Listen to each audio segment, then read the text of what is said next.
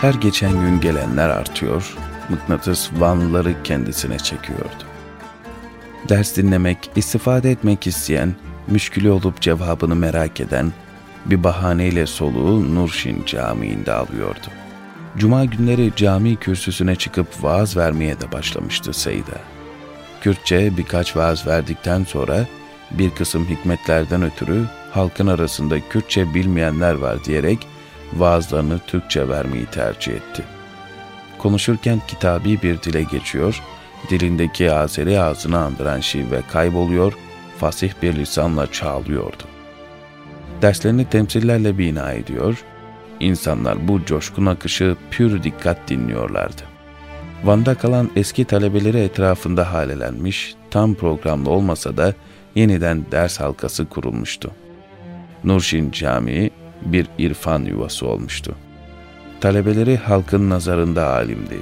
Molla Resul, Molla Yusuf, Molla Maruf, Molla Abdülmecid, Molla Zahir ve diğerleri o bakışlara aldanmıyor, ondan ders almayı payebiliyorlardı. Molla Resul Seyda'dan iki yaş büyüktü. Arkadaş gibiydiler. Yaşının ve yakınlığının verdiği güvenle Seyda ile biraz daha rahat konuşurdu. Zaman zaman Seyda'ya şakalar yapar, yüreğindeki gamı bir parça olsun dağıtmaya çalışırdı. Seyda onun latifelerinden hoşnut olurdu. Camide İbni Hacer'den ders okudukları bir gündü. Molla Resul bir soru sordu. Seyda cevapladı. Molla Resul tatmin olmamıştı.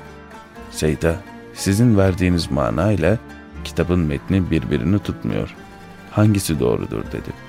Aslında Molla Resul nasıl bir insanla muhatap olduğunu biliyordu. Onu kimseden geri görüyor da değildi.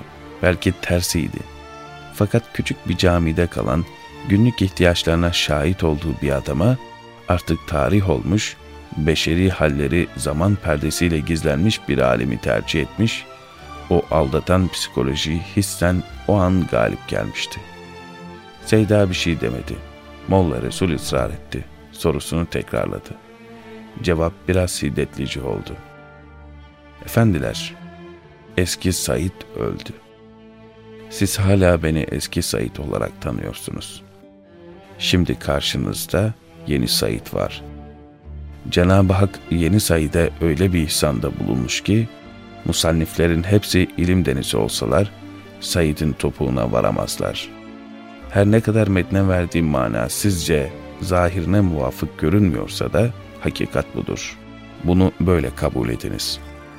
Eski Said'in 10 senede verdiği derste yeni Said'in 10 aylık dersi kafi gelebilir.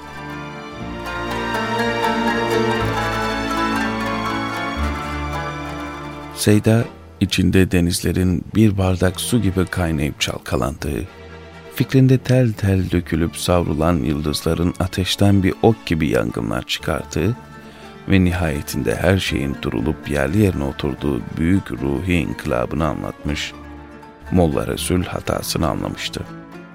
Bir süre sonra Seyda'nın mırıldanır gibi ''Yahu beni niçin hiddete getiriyorsunuz?'' dediği ve istiğfar ettiği duyuldu.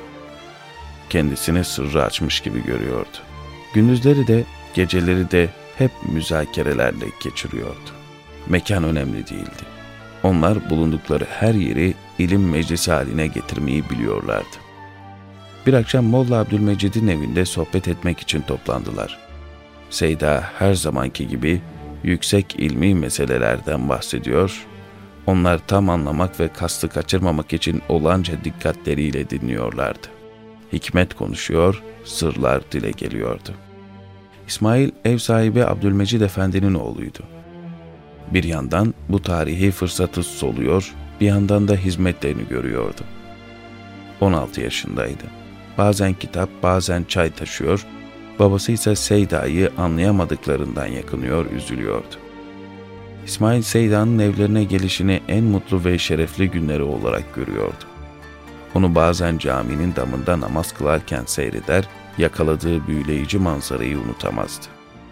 Yıldızların ortasında kainatın tesbihini Rabbine takdim eden bir mümessil gibi durur, sarı rüzgarda dalgalanırdı.'' Seyda o akşam ders verirken İsmail de halkaya katılmıştı.